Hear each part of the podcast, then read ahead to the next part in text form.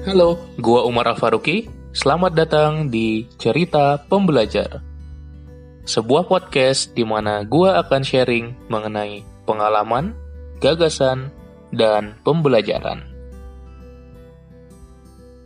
Halo teman-teman pembelajar, kembali lagi bersama gua Umar Al-Faruqi di podcast Cerita Pembelajar.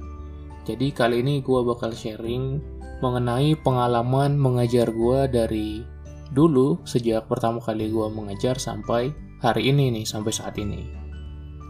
Jadi mungkin buat teman-teman gue dan yang kenal gue biasanya tahu karena gue sering engage juga di sosial media gue bahwasanya gue adalah orang yang seneng ngajar. Gue terus belajar hal baru gue terus belajar banyak hal dan gue juga sering sharing atau mengajarkan itu ke orang lain. Nah pertanyaannya kenapa sih gue nih seneng banget ngajar gitu? Kenapa gue uh, sering kali sharing-sharing hal baru atau hal yang gue pahami ke orang lain. Karena pertama bagi gue ngajar itu adalah hobi teman-teman. Sama seperti kalau teman-teman punya hobi futsal atau punya hobi melukis atau punya hobi main gitar atau mungkin punya hobi masak dan seterusnya, hobi gue adalah ngajar. Hobi gue sharing dan berbagi ilmu gue ke orang lain dan itu lama-kelamaan membentuk diri gue yang saat ini. Jadi kalau misalnya teman-teman ada yang hobi futsal, kan memiliki rasa senang ya, senang gitu kalau misalnya main futsal bareng teman-teman, atau misalnya ketika main futsal itu asik gitu rasanya. Jadi kayak hal yang ditunggu-tunggu banget gitu, misalnya nanti Sabtu ada main futsal gitu, kayaknya hal yang ditunggu-tunggu banget karena itu seru gitu, senang asik main dengan teman karena hobinya futsal sama gue pun seperti itu. Karena hobi gue ngajar gue sangat tertarik untuk terus bisa ngajar untuk bisa terus sharing untuk bisa terus berbagi ke orang lain. Jadi memang ada kebahagiaan yang sulit digambarkan gitu. Jadi muncul kegembiraan-kegembiraan kecil ketika dan setelah gue ngajar. Ketika murid-murid gue bilang oh gitu gitu kan. Atau misalnya wah ya ngerti ngerti ngerti gitu. Jadi ketika mereka menangkap suatu gagasan atau memahami suatu konsep rasanya tuh seneng banget gitu. Rasanya memang hal yang beda dari kesenangan-kesenangan lainnya gitu. Jadi kayak ada kepuasan batin ketika mengajar. Dari situlah kenapa gue seneng banget ngajar dan karena kebahagiaan-kebahagiaan gitu yang membuat gue cocok gitu dengan bidang mengajar ini gitu. Makanya gue memang concern di pendidikan dan pengajaran sebab masih banyak masalah-masalah di sini yang memang belum banyak terselesaikan. Kayak misalnya gini misalnya ketika teman-teman belajar dari guru sama belajar dengan teman sendiri merasa nggak sih bedanya kalau misalnya mungkin nggak semua guru ya uh, eh, gue tentu nggak mau generalisir juga tapi banyak guru yang pinter banget nih uh, secara ilmunya dia sangat menguasai tapi secara komunikasinya secara menyampaikan informasinya itu nggak sejago itu. Entah itu guru entah itu dosen atau pengajar-pengajar lain banyak yang mereka itu karena emang pinter aja gitu tapi nggak bisa mengomunikasikan dengan bagus gitu. Nggak asik cara ngajarnya nggak bisa bikin murid-muridnya paham. Sehingga dari situ gue melihat wah nih gue harus bisa menjadi orang yang paham juga tapi juga bisa mengomunikasikan dengan baik. Selain gue punya kapasitas ilmunya tapi gue bisa mentransfer ilmu itu ke orang lain. Maka gue menyadari gue mulai seneng ngajar sejak dulu ketika sekolah gitu. Ketika dulu SMP gue masih ingat banget dulu bikin kayak seakan-akan klub belajar gitulah gitu. Jadi kayak ada geng belajar gitu ketika mau persiapan UN berarti kelas 3 SMP waktu itu. Nah waktu itu memang uh, eh, UN bukan hal yang sulit karena umum sekali kita menyebar yang namanya kunci jawaban. Jadi pasti ada soal yang bocor, uh, ada kunci jawaban yang bocor, terus misalnya ada satu orang yang belik terus uh, nyebar-nyebar ke teman-teman yang lain gitu. Jadi hanya dengan model kunci jawaban itu kita bisa kerjakan UN dan biasanya sih lulus dengan nilai bagus gitu. Tapi pada saat itu uh, gue dan beberapa teman kayaknya kurang cocok dengan hal tersebut, masih bertentangan lah dengan idealisme pada waktu itu. Sehingga uh, kami beberapa orang waktu itu memutuskan untuk tidak menggunakan kunci jawaban. Tapi gue sadar betul bahwasanya UN itu nggak segampang itu. dan waktu itu juga bukan sekolah yang favorit ketika gue SMP jadi kita merasa secara kapabilitas masih sulit lah kalau misalnya secara jujur mengerjakan soal UN nah kebetulan alhamdulillah waktu itu gue punya diberikan kelebihan lah gitu. Gue bisa memahami nilai-nilai uh, sorry bukan nilai uh, pelajaran-pelajaran akademik gitu sehingga nilai gue biasanya bagus juga gitu. Dan gue uh, pada waktu itu uh, hampir selalu menjadi juara kelas lah gitu. Sehingga untuk UN gue merasa sangat yakin dengan kemampuan gue waktu itu. Tapi yang gue khawatir adalah teman-teman gue yang lain teman-teman dekat gue sahabat-sahabat gue di kelas gue pas SMP banyak yang nggak punya kemampuan seperti gue gitu ya. Bukan maksudnya sombong tapi gue memiliki keresahan di sana. Gue mencoba empati dan gue pingin banget gue bisa nge-transfer ilmu yang gue punya ke orang-orang tersebut. Akhirnya gue bikin kayak klub belajar gitu. Di situ kita belajar bareng belajar bareng berlatih dengan soal-soal UN yang ada berlatih berlatih berlatih supaya bisa mempersiapkan UN nah gue menyadari pertama kali gue seneng ngajar tuh di sana. Ketika gue bisa menceritakan lagi pelajaran yang disampaikan guru dengan cara yang lebih mudah dipahami oleh teman-teman gue kemudian uh, itu berlanjut juga sampai ketika gue SMA ketika gue SMA kurang lebih kelas 2 waktu itu di situ uh, hal yang sama pun sebenarnya terjadi gitu banyak guru-guru yang pinter pinter banget tapi nggak jago mengomunikasikan ilmunya gitu. Jadi nggak bisa bikin anak muridnya pinter gitu. Dan karena gue alhamdulillah juga cukup bagus akademiknya uh, gue juga bikin uh, belajar pekanan gitu. Jadi kita waktu itu sering nongkrong nongkrong di masjid sekolah. Di situ kita bikin kayak karena ada papan tulis di situ kita ya udah uh, ganti-gantian gitu belajar ya misalnya matematika gue yang ngajar terus kemudian fisika teman gue yang lain kimia teman gue yang lain. Jadi kita bisa sering belajar bareng gitu. Dan itu alhamdulillah teman-teman gue cukup antusias mengikutinya dan kita cukup konsisten melakukannya. Hingga kita wah kita beneran seriusin nih gitu. Tapi bukan menjadi sebuah bisnis gitu. Tapi kita seriusin beneran bikin wah ini yang ngajar ini ini ngajar ini siapa? Terus kita bikin modul-modulnya juga. Latihan-latihan soalnya rangkuman materi kita bikin tryout. Jadi kayak bimbel gitu tapi bimbel gratis buat uh, teman-teman di sekolah gua dulu. Nah hal itu membuat uh, teman-teman tertarik karena kalau guru yang ngejelasin gue nggak ngerti gitu. Tapi kalau Umar dan teman-teman yang lain yang ngejelasin gue ngerti gitu. Sehingga orang-orang senang mengikuti kegiatan ini. Dan hal itu membuat gue merasa wah gue udah bisa bermanfaat nih buat sekitar gue hingga akhirnya ketika ujian gue ingat ada salah satu teman gue bilang kayak gini Mar dari dulu sampai sekarang gue benci banget yang namanya fisika gitu. Tapi alhamdulillah karena gue ikut uh, les-lesan bukan les-lesan lah ya belajar bareng lah ya belajar bareng ini gue akhirnya bisa nilai UTS gue kemarin 90 wah gue kan kaget kan di situ kan. Wah bisa segitunya ternyata dampak dari kegiatan-kegiatan ini yang awalnya hanya sekedar hobi gue pengen menyalurkan gue senang ngajar gitu. Dan ini bisa menjadi wadahnya. Tapi ternyata memberikan dampak atau manfaat yang nyata gitu. Di situ gue senang banget dan mulai uh, semakin tergerak gitu. Dari kelas 2 kelas 3 juga sama gue uh, terus sebisa mungkin ngajar teman-teman gue dan gue juga uh, mengajarkan nggak cuma akademi sekolah juga tapi sempat juga gue ngajarin tim olimpiade matematika waktu itu. Saudara gue nggak ikut olimpiade matematikanya tapi karena gue seneng ngajar ya udah karena gue bisa jadi gue uh, ajarin juga. Nah dari situ uh, semakin lama semakin terbangun minat gue terhadap kepengajaran ini ke sharing ini sehingga itu berlanjut ke kuliah gitu. Dan ketika kuliah kebetulan gue kuliah di Bandung uh, dan asal gue dulu di Medan jadi gue ngerantau gue udah meyakinkan terhadap diri gue nanti gue di Bandung pasti gue harus ngajar gitu. Jadi memang bener-bener gue pingin ngajar ketika sampai di Bandung gitu. Dan memang ke ke kebetulan ada kesempatan juga ketika itu semester pertama gue langsung ngajar gitu ya gue lupa sih semester pertama atau semester kedua. Itu gue pernah itu gue ngajar persiapan UN jadi anak SMA gitu. Ada bimbel temen gue gue coba ikuti gitu kan.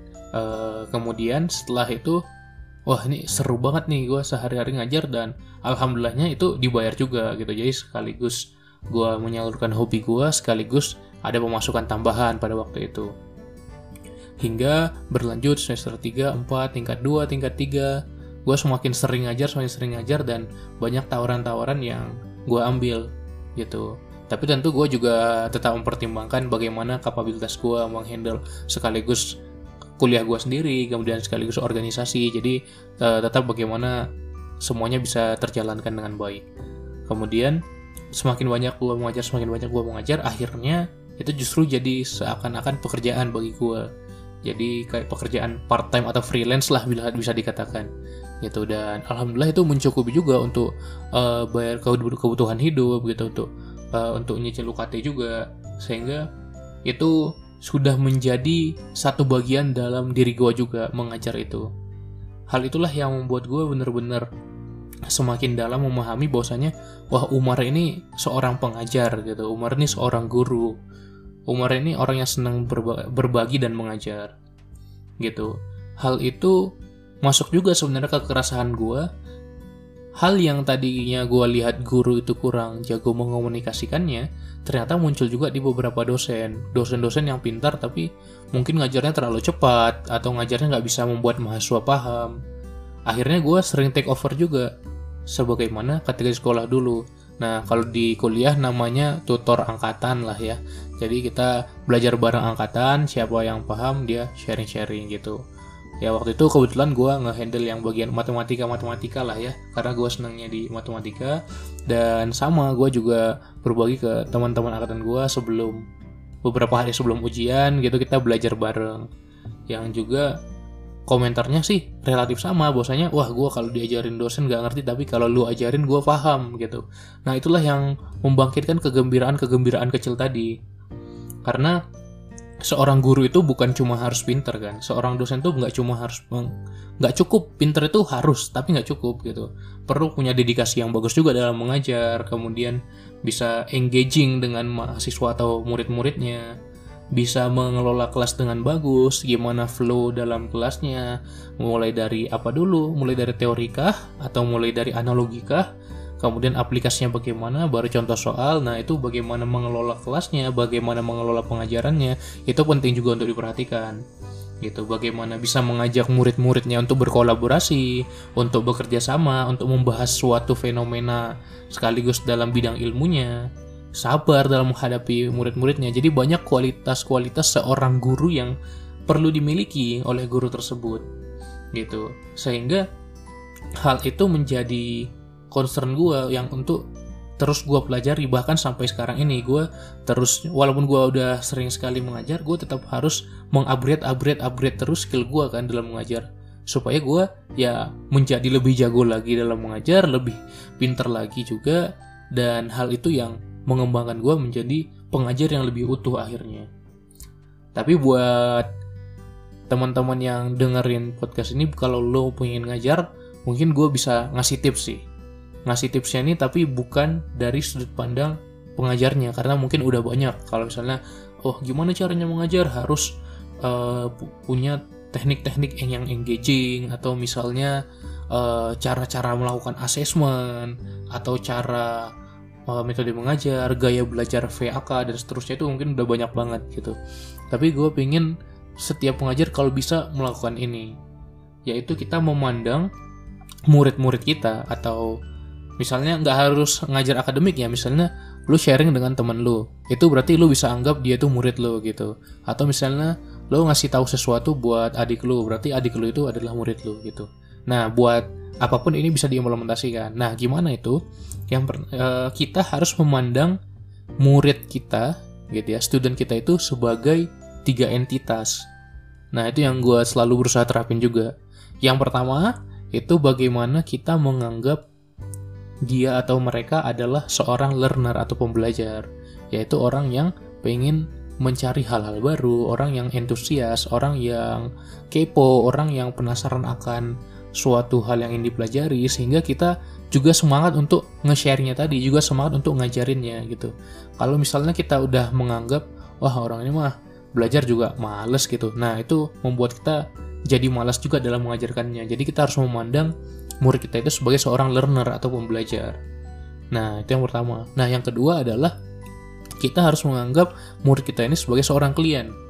Gitu ya. Jadi dia klien yang kalau misalnya gue memang karena banyak yang dibayar, gue memang menganggap murid gue sebagai klien kan.